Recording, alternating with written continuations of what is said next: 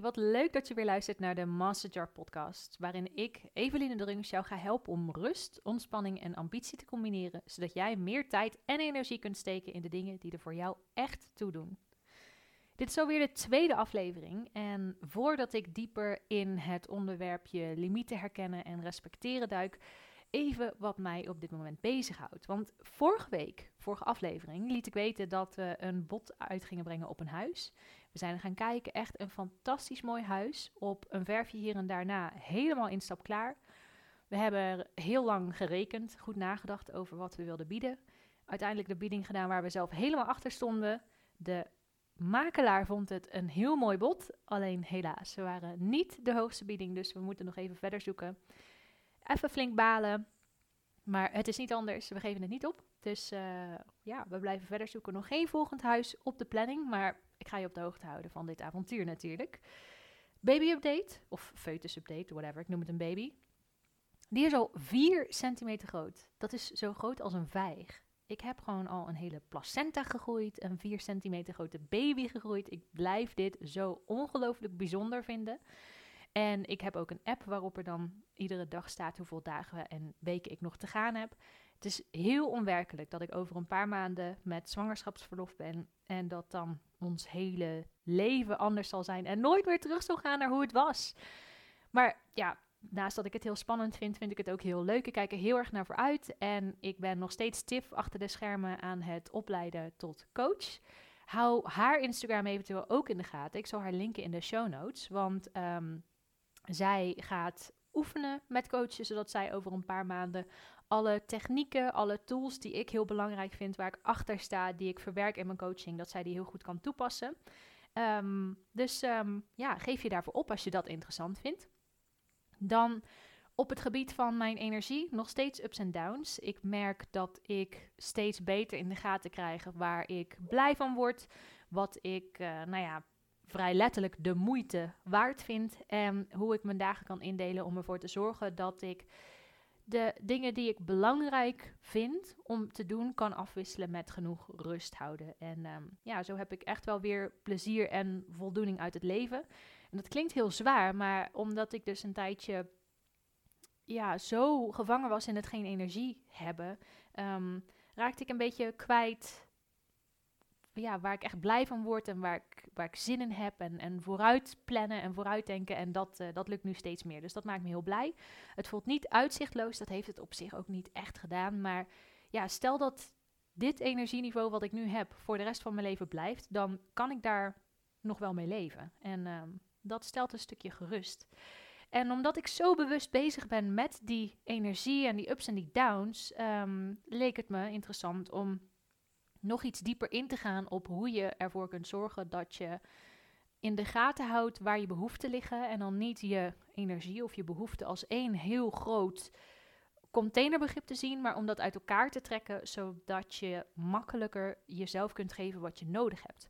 Dus in de vorige aflevering vertelde ik al over waarom ik de batterijmetafoor en jezelf opladen niet toereikend vind. En in alle eerlijkheid, limieten die ik nu in deze aflevering ga behandelen, zijn dat ook niet helemaal. En ik ga je ook nog precies uitleggen dat ze super contextafhankelijk zijn. Maar toch bieden die limieten me betere handvatten dan de batterijmetafoor.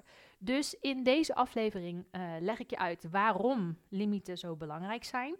Wat die limieten nou eigenlijk inhouden. En ik geef je een aantal tips over hoe je je eigen limieten kunt herkennen en respecteren. En hoe ik dat zelf doe. Het is je misschien opgevallen dat ik dus heel de tijd het woord limieten gebruik. In de volksmond hebben mensen het ook vaak over grenzen.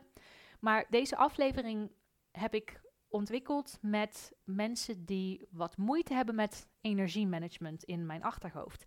Dus als jij nooit moeite hebt met het verdelen van je energie, als jij vrij eenvoudig kunt voorzien in je eigen behoeften, dan zal deze aflevering jou misschien minder aanspreken. Al ben ik er ook van overtuigd dat het je kan helpen om meer invoelend, inlevend uh, te zijn naar andere mensen die misschien moeite hebben met energiemanagement. Ik vind het bijvoorbeeld ook heel fijn dat mijn vrienden en mijn familie mijn limieten voor me in de gaten houden. Want als ik ergens middenin zit, dan heb ik soms niet in de gaten hoe moe ik ben of dat ik bijna overprikkeld ben. En dan, uh, nou, zo was er net nog een vriend die kwam lunchen, die dan zelf opstaat, omdat hij merkt dat ik langzaam op begin te raken. Super fijn. Um, dus op die manier kun je goed voor jezelf zorgen, maar kunnen we eigenlijk ook nog makkelijker voor de mensen om ons heen zorgen. Nou, ik zou dus beginnen met waarom zijn die limieten zo belangrijk? En daarvoor neem ik je mee naar mijn eigen situatie vier jaar geleden. Is eigenlijk een soort rampscenario wat ik nu ga schetsen. Een soort, uh, weet je al, telcelreclame dan helemaal in het zwart-wit. Wat gebeurt er als je je niet aan je eigen limieten houdt? Nou, ik was 24 jaar oud. Ik had een baan, ik had een huis, ik had een super fijne, stabiele relatie. Ik had spaargeld, ik had een puppy, ik had twee auto's. Ik had alles wat mijn hartje begeerde. En toch kwam er een novemberdag waarop ik door mijn benen zakte en ik jankend op de woonkamervloer lag. En op zich waren paniekaanvallen mij niet vreemd, want tijdens mijn studie, HBO ICT en Media Design, um, dat was verdeeld in vier schoolperiodes van tien weken per jaar. En ongeveer één à twee keer per schoolperiode ja, stort ik een beetje in elkaar. Serieus overwegend om te stoppen met mijn opleiding. Um, en in het moment dat ik een paniekaanval had, echt niet zien hoe ik in godsnaam uit die situatie kon komen. En het gekke was dat ik aan het einde van mijn studie wel cum laude afstudeerde. En daarmee wil ik zeggen dat het lag dus niet aan mijn kennis of kunde. Het lag aan het voortdurend overschrijden van mijn eigen limieten. En natuurlijk ligt daar ook het stukje imposterism of imposter syndrome aan ten grondslag. Uh, een stukje overlevingsstand waar ik maar niet uitkwam. People pleasing. Dat zijn weer onderwerpen voor een andere aflevering.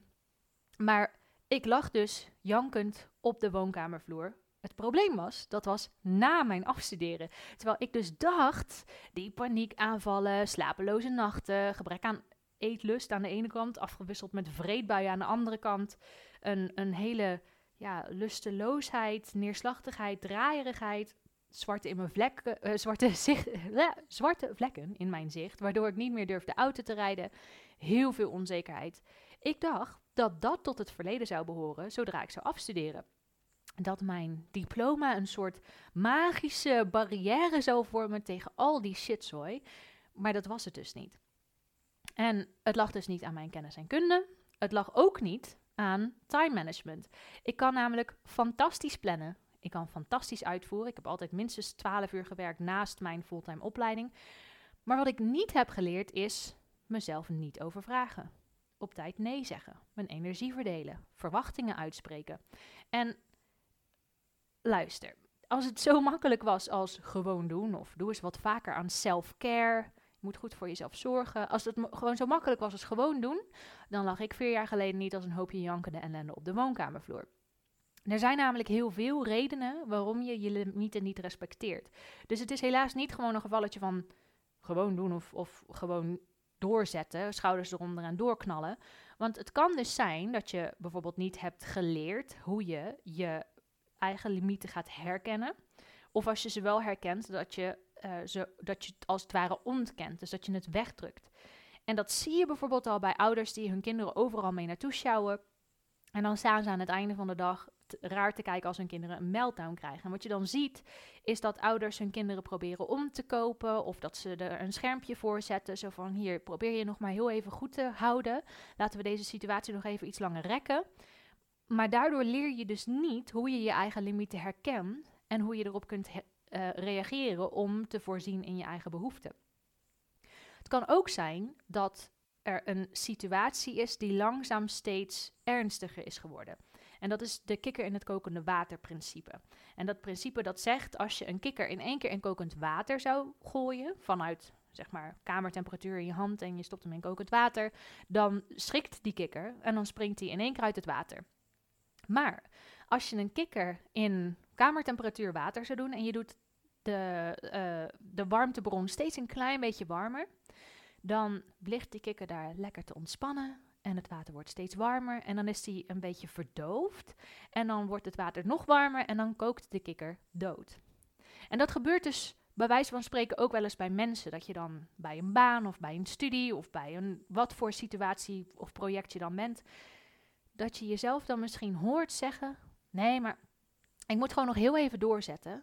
Nou, oké, maar als ik alleen nog dit doe, dan, Nee, maar dadelijk dan is dit project afgelopen en dan is het weer rustig.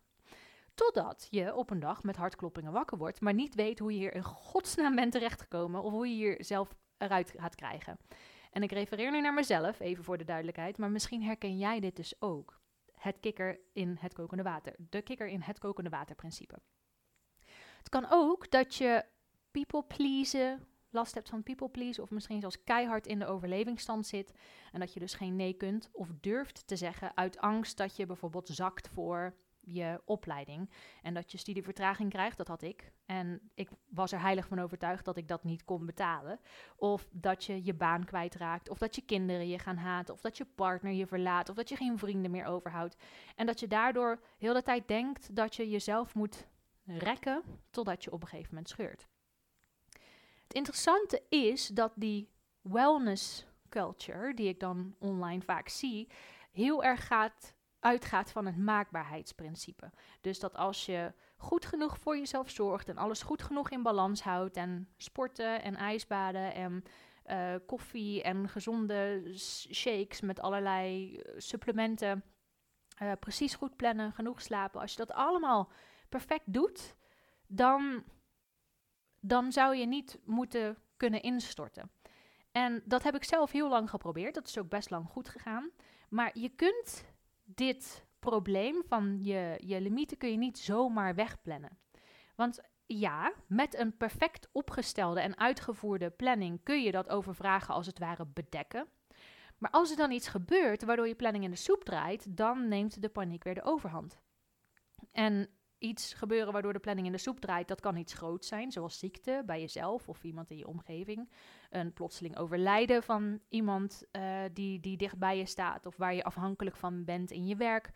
Ehm, dat zijn grote dingen en ik hoop natuurlijk niet dat het gebeurt. Wat je soms wel ziet in zulke situaties is dat het prioriteren dan makkelijker wordt, want dan worden er zaken in perspectief geplaatst. Dan kun je weer voor jezelf zien wat er ook alweer echt belangrijk is. Het kan ook, en dit zijn allemaal persoonlijke ervaringen die ik ook weer terugzie bij mijn klanten. Het kan ook dat er iets kleiners misgaat. Dus dan had ik een hele drukke week en dan had ik alles precies gepland. En ik had alvast in het weekend gekeken op Google Maps en hoe druk het zou zijn op bepaalde tijden. En dan op tijd morgens weg. Dus dan opstaan en douchen en ontbijten en nette kleding en een make-upje op en alles goed verzorgd. En dan stapte ik in de auto, zet ik het contact aan kut vergeten dat ik moest tanken. Of ben ik onderweg en dan kom ik aan op het station, kut, trein heeft vertraging. En dat zijn dan van die kleine zaken die, waar je eigenlijk geen ruimte voor hebt, omdat je alles zo druk in elkaar hebt gepland. En als dan zoiets kleins misgaat, dan, dan valt het spreekwoordelijke kaartenhuis helemaal in elkaar. Dus wat beter helpt, is een stap terug doen en leren hoe je je eigen limieten gaat herkennen en leren hoe je ze respecteert. En dat is een nieuw en een spannend en een super intensief proces, wat helaas of juist gelukkig altijd gaande blijft. Vier jaar geleden, toen ik dus zo jankend op de woonkamervloer lag, was ik mezelf helemaal kwijt en moest ik mezelf opnieuw leren kennen. En eigenlijk weer opnieuw sinds afgelopen november, dus door mijn COVID-besmetting en dan na, de zwangerschap, ben ik mijzelf en mijn limieten weer aan het herontdekken. En ik verwacht dat als ik dadelijk in het volgende trimester zit, dat ik mezelf weer herontdek. En als we dadelijk een newborn baby hebben, dat het weer, weet je wel, zo gaat het iedere keer opnieuw. Maar ik heb gelukkig dus wel het onderscheid tussen die verschillende limieten. Dus ik heb wel de handvatten om ervoor te zorgen dat ik die limieten iedere keer kan herontdekken. Dus dat wil ik jou in deze aflevering ook meegeven. Het gaat er ook dus zeker niet om dat we dit helemaal perfect doen. Het gaat erom dat je gaat herkennen welke behoeften je hebt en ervoor zorgen dat je gaat voorzien in die behoeften. Dus waar een grens gaat over een relatie met iemand anders en dienstgedrag, gaat een limiet altijd over jezelf. En een limiet gaat aan de ene kant over het beschermen wat voor jou maximaal haalbaar is, oftewel het voorkomen van overprikkeling. Maar aan de andere kant willen we wel genoeg inspanning, oftewel onderprikkeling voorkomen. En dat doe ik op een aantal verschillende gebieden. Dus ik zal ze opnoemen, maar ik zet ze ook in de show notes, zodat je, uh, zodat je weet op welke vlakken je die um, limieten kunt gaan herkennen bij jezelf. En die verschillende limieten die ik onderscheid zijn lichamelijke limieten, emotionele, sociale, mentale, zintuigelijke, creatieve en spirituele limieten. Wat belangrijk is om bij te benoemen is, limieten zijn super persoonlijk. Dus mijn limieten kunnen weer anders zijn dan die van jou. Limieten die zijn allemaal apart, maar ze vinden zeker wel heel veel overlap. En dat is afhankelijk weer van de context of de activiteit.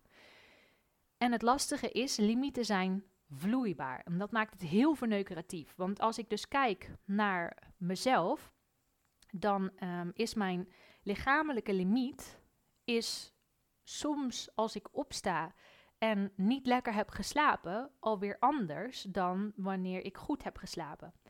En soms kan ik wat energie lenen van morgen, als het ware, omdat ik vandaag een hele leuke activiteit had, waar ik echt al lang naar uitkeek. En dan wil ik daar heel graag uithalen wat erin zit. Ik heb dat bijvoorbeeld als ik naar vrienden ga of als ik een evenement heb. Uh, ja, vooral als ik taken doe die, uh, of activiteiten uitvoer die te maken hebben met andere mensen of die een bepaal, waar een bepaalde schaarste in zit. Dus taken of uh, activiteiten die niet um, wekelijks plaatsvinden. Dat die limieten vloeibaar zijn, kan ook liggen aan de mensen met wie je bent. Dus het is niet hetzelfde of dat ik met, uh, ja, bij wijze van spreken, de buren uit eten ga of met mijn beste vrienden uit eten ga. Het kan zijn dat als ik uh, videobel met één persoon, dat dat weer anders is dan face-to-face afspreken, ook als dat bij ons thuis is. Dus die, die vloeibare limieten die kunnen verschillen per context en die kunnen verschillen per dagdeel en die kunnen verschillen per seizoen, want in de zomer kan ik weer meer dan in de winter. En dat alleen al weten, en in de gaten hebben van, oh, het is niet vreemd, ik ben niet raar, ik stel me niet aan omdat ik nu anders reageer dan dat ik een week, een maand of een uur geleden deed. Want bij vrouwen kan het ook nog eens aan je cyclus liggen. Dus weten dat al die verschillende limieten bestaan en dat die super vloeibaar zijn, dat ze apart zijn en toch overlappen en dat ze mega persoonlijk zijn, kan al helpen om wat zachter te zijn naar jezelf. Nou is het dus per limiet zo dat we ontspanning en inspanning kunnen doen. Dus bijvoorbeeld lichamelijk kan het zijn dat je ervoor moet zorgen dat je genoeg slaapt, dat je genoeg ligt of zit. Maar aan de andere kant dat je ook genoeg wandelt en misschien zelfs sport. Bij emotioneel kan het zijn dat je um, aan de ene kant wil praten over je emoties, dat je ze wil verwerken. Maar aan de andere kant soms ook dat je eventjes entertained wil worden. Ik kijk wel eens films waarvan ik moet huilen. Of juist dat ik een comedy wil kijken waarbij ik niet hoef na te denken. Bij sociaal ligt weer het verschil tussen alleen willen zijn of juist um, in contact staan met iemand anders. En soms is het voor mij al heel veel om met iemand te bellen. En soms dan um, ja, vind ik het prima om in een groep mensen te zijn. Natuurlijk vindt er dan ook wel weer overlap plaats. Want als ik dus in een groep mensen zou zijn, een sociale setting, dat is de volgende limiet, dan um, uh, kost dat heel veel lichamelijke en emotionele energie. Mentaal wat minder, zintuigelijk kan het dan wel weer wat meer zijn. Dus zo is er wel een bepaalde overlap. Um, en moet ik dus steeds afwegen van waar heb ik het meeste behoefte aan. Dus ja, sociaal kan alleen zijn versus in groepen zijn mentale energie of uh, mentale limiet kan je uh, zien als um, bijvoorbeeld nadenken over de toekomst of juist even niet willen nadenken. Een spelletje spelen of even kleuren. Dus dat je jezelf als het ware inspant of ontspant. En ook zintuigelijk. Ik heb gemerkt dat die anders is dan lichamelijk. Want soms dan um, ben ik qua gehoor overprikkeld kan ik niet bellen met iemand, maar dan lukt WhatsAppen me nog wel. Of is er te veel licht, maar kan ik nog wel, dus dan kan ik even geen boek lezen, maar ik kan nog wel een boek luisteren. En zo moet ik dus heel erg bij mezelf opletten. Uh, soms wil ik graag verbinding voelen met mijn vriend door met hem te praten, maar is aanraking is te veel. Dan wil ik niet dat hij aan me zit. En toen ik dus in de gaten kreeg dat lichamelijk en zintuigelijk dat dat apart werd, werd het ook weer makkelijker om te voorzien in die behoeften. Creatief kan zijn dat je uh, ja, zelf echt iets wil maken, iets wil tekenen, breien, uh, koken. Of aan de andere kant juist dat je even een recept wil volgen of een kleurboek wil inkleuren. En spiritueel is de laatste. Um, spiritueel zoek ik niet alleen um, in uh, zingeving en de betekenis van het leven, maar misschien ook een beetje filosofisch. Soms wil ik stilstaan bij mijn dromen en mijn doelen, bij wat ik heb bereikt en, en het verwerken daarvan. Soms wil ik daar helemaal niet over nadenken. Soms kan ik uren praten met vrienden over de betekenis van het leven, andere keren weer helemaal niet. Dus ehm, ja, dat zijn die verschillende limieten die ik onderscheid, met hier en daar ook een uitstapje stapje in hoe die overlappen. En ik hoop dat dat jou helpt om te gaan herkennen waar ligt je behoefte, dus op welk vlak heb je behoefte aan inspanning of ontspanning en heb je er de spreekwoordelijke energie voor om te voorzien in je eigen behoeften. Als je aan de slag wil hiermee, dan heb ik een heel klein stappenplannetje om je op weg te helpen. Want het is heel fijn aan jezelf als je dus een proces hebt waar je als het ware doorheen kunt om voor jezelf aan de slag te gaan met uh, die limieten. En in de basis zijn er maar drie stappen. Stap 1 is voelen, stap 2 is handelen, stap 3 is reflecteren, die is heel belangrijk. Dus in stap 1 kun je voelen.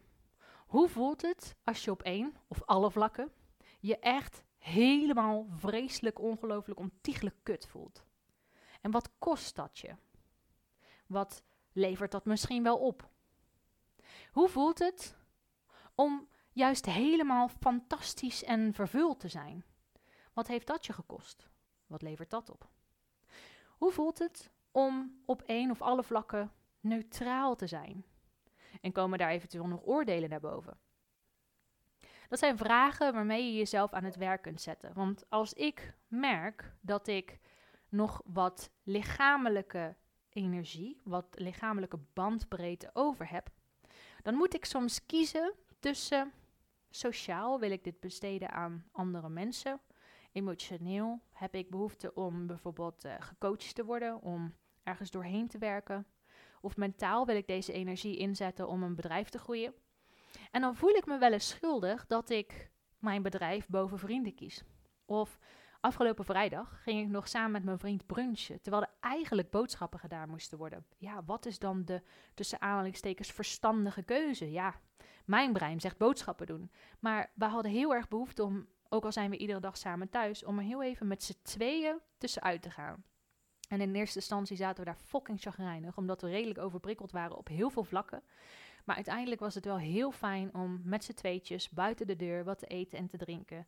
Wat andere prikkels te ontvangen en in die omgeving te zijn. Dus stap 1 is voelen en stap 2 is handelen. Dus dat wij hebben gehandeld. Um, je kunt kiezen om preventief te handelen. Als jij van jezelf weet dat je veel slaap nodig hebt, dan kan het zijn dat je bijvoorbeeld s'avonds een slaapritueel inzet, zodat je er enigszins zeker van bent dat je lekker genoeg fijn slaapt. Ik merk aan mezelf, ik kon mijn uh, behoeften een beetje uitstellen. En soms was dat omdat ik een beetje vast zat in de waan van de dag. Andere keren was het omdat ik me had verslapen. Maar ik kon dus s'morgens um, mijn eten of drinken kon ik uitstellen. Dat kan ik nu niet, want dan word ik misselijk. Dus ik heb nu s'morgens een soort preventief ochtendritueel. Ik word wakker, dan uh, maak ik even ontbijt. Dat eten we op in bed. En als ik dat doe, dan is de kans dat ik misselijk word heel klein. Dus ik rea reageer preventief. Je kunt ook reactief handelen. Um, dat is dat ik dus eigenlijk altijd snoepjes in mijn tas heb. Want soms dan ben ik onderweg en dan krijg ik zo'n hele nare, naar gevoel en een hele nare smaak in mijn mond. Dan word ik misselijk en dan kan ik even een snoepje in mijn mond stoppen om me te rekken tot het volgende eetmoment. En dat is dus reactief handelen. Dus preventief komt een beetje neer op een bepaalde rust, reinheid, regelmaat. En reactief is soms grenzen stellen, is backup verzinnen, is uh, ervoor zorgen dat als je overprikkeld bent geraakt of onderprikkeld bent geraakt, zonder dat je dat in de gaten had, dat je dan een backup plan hebt. En voor mij is dat meestal uh, pizza bestellen s'avonds of wat anders te eten bestellen terwijl ik televisie kijk. En uh, als het nodig is om half acht s'avonds al naar bed gaan. Zonder uh, schuldgevoel, gewoon lekker naar bed. Volgende dag weer een nieuwe dag. En stap drie is reflecteren. Ik heb ontelbaar keer mijn eigen grenzen overschreden. Twee weken geleden bijvoorbeeld zat ik weer jankend op de bank, omdat er was bijvoorbeeld een afspraak uitgevallen. Dus ik ging bij mezelf voelen, hoe voel ik me? Ik heb eh, behoefte aan sociaal contact. Ik heb gehandeld. Ik ben samen met mijn vriend bij een hele goede vriend van ons op de koffie geweest. Ik denk dat we daar een uurtje of tweeënhalf hebben gezeten. Daarna gingen we naar huis en ja, in het moment, in dat gezelschap, merk ik dan niet dat ik bepaalde limieten aan het overschrijden ben. Maar toen ik thuis kwam, lag ik er helemaal af. Ik was helemaal op. En uh, ja, toen werd het gewoon te veel. We hadden pizza besteld, waren lekker televisie aan het kijken. En uh, ja, ik maak een, een opmerking tegen mijn vriend. En dat gaat dan net een beetje verkeerd. Niemand was boos, er was helemaal geen ruzie. En toch ben ik aan het huilen, omdat het gewoon te veel was. En ik heb geen spijt dat ik langs ben gegaan bij die vriend. Het is ook niet, had ik maar eerder anders. Het is meer, oké, de volgende keer kan ik beter een timer zetten op bijvoorbeeld twee uur. Omdat 2,5 uur op de koffie bij iemand, dat is te veel. Ik heb ook wel eens uh, vanuit FOMO ja gezegd op een feestje. En dan had ik niet eens alcohol gedronken, maar ik moest drie dagen bij, bijkomen. En, en, dan had ik eigenlijk wel een beetje spijt. Maar dan probeer ik ook dan weg te blijven bij had ik maar, had ik maar iets anders gezegd of gedaan, eerder naar huis gegaan. Maar dan hou ik er rekening mee en dan zeg ik de volgende keer ga ik. Dus stap 1 is voelen, stap 2 is handelen, stap 3 is reflecteren. Je bewust worden van die limieten, en helemaal als je dat nog nooit hebt gedaan, dan is dat in eerste instantie heel confronterend en fucking vermoeiend. Maar het gaat je na een tijdje wel helpen om steeds beter in kaart te brengen welke behoeften je nou eigenlijk hebt. Want zoals het soms lastig is, weet je wel, heb je wel eens dat als je dan uh, gaat eten en iemand anders die zegt dan waar heb je zin in? Ja, ja weet ik niet. Zeg, zeg maar iets. En dan zegt de ander pizza. En dan, oh nee, daar had ik geen zin in. Chinees. Nee, nee, dat ook niet. Weet je wel, dat je dan een beetje zo zit van... Ik heb wel zin in eten, maar ik weet niet wat. Ik heb ook eigenlijk geen zin om te kiezen. Ik weet het niet. Um, dan kan het dus helpen om dat lijstje met die limieten erbij te pakken en te kijken waar ben ik uh, onderprikkeld of misschien juist overprikkeld. En het interessante is dat als jouw behoeften enigszins in balans vervuld zijn, dan komt er dus ruimte vrij om dingen te doen waar je zin in hebt. Dan kan het dus zijn dat je zin hebt om, nou in mijn geval, uh, een podcast op te nemen. Om berichten te delen op social media, om andere mensen anders na te laten denken over rust, energie en ambitie. Kan het zijn dat je uh, zin krijgt om iemand uit te nodigen om te lunchen, omdat je merkt dat je daar weer energie voor hebt. Oftewel, rust, ontspanning en ambitie combineren, zodat jij tijd en energie overhoudt voor de dingen die er voor jou echt toe doen. Ik hoop dat ik je met deze aflevering heb kunnen inspireren om meer voor jezelf te kiezen. Ik hoop dat ik je heb laten weten dat dat op verschillende gebieden kan. Dat dat je gaat helpen als een, als een handvat met dat stappenplan, zodat je er zelf mee aan de slag kunt. En ik hoop ook door mijn eigen struggles te delen dat je inziet dat dit niet iets is waar je bij moet streven om het perfect te doen. Maar dat het echt alleen als een handvat bedoeld is om je te helpen in de hele grote, boze wereld van alle mogelijke behoeften. Dat je het kleiner kunt maken um, en dat de kans kleiner is dat je dan blijft hangen en ik weet het niet. Maar dat je tegen jezelf kunt zeggen: Ik weet precies wat ik nodig heb. En ook al vind ik het spannend of eng of bijna onmogelijk om daaraan toe te geven. Ik weet in ieder geval wat ik nodig heb. En dan hoop ik dat de volgende stap is dat je jezelf dat gaat geven. Wil je hier in limieten, in, in plannen, in voor jezelf zorgen, in grenzen stellen, wil je hier dieper induiken en kun je mijn persoonlijke hulp daarbij gebruiken, dan is het Masterjar groepscoachingsprogramma echt iets voor jou. Inschrijven doe je via www.masterjar.nl. Link staat ook in de show notes.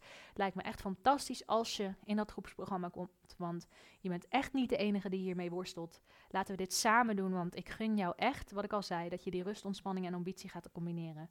Want je mag echt meer gaan doen van waar jij echt blij van wordt. En of dat nou is series bingen op de bank, meer sporten, leuke dingen doen met je kinderen. Het maakt mij echt niks uit. Het gaat erom wat jij wil doen. Daar mag je meer ruimte voor maken. En daar wil ik je bij helpen. In ieder geval heel erg bedankt voor het luisteren naar deze aflevering. Je maakt me enorm gelukkig als je deze aflevering wil delen met andere mensen. Mocht je dat op Instagram of Facebook doen, tag mij. Dan kan ik dat ook weer delen. En dan kunnen we een fantastisch mooie community opbouwen van allemaal mensen die anders kijken naar rust, ontspanning en ambitie dan de meeste mensen die dat vanuit een kapitalistisch paradigma doen. Dankjewel voor het luisteren en uh, hopelijk tot de volgende aflevering.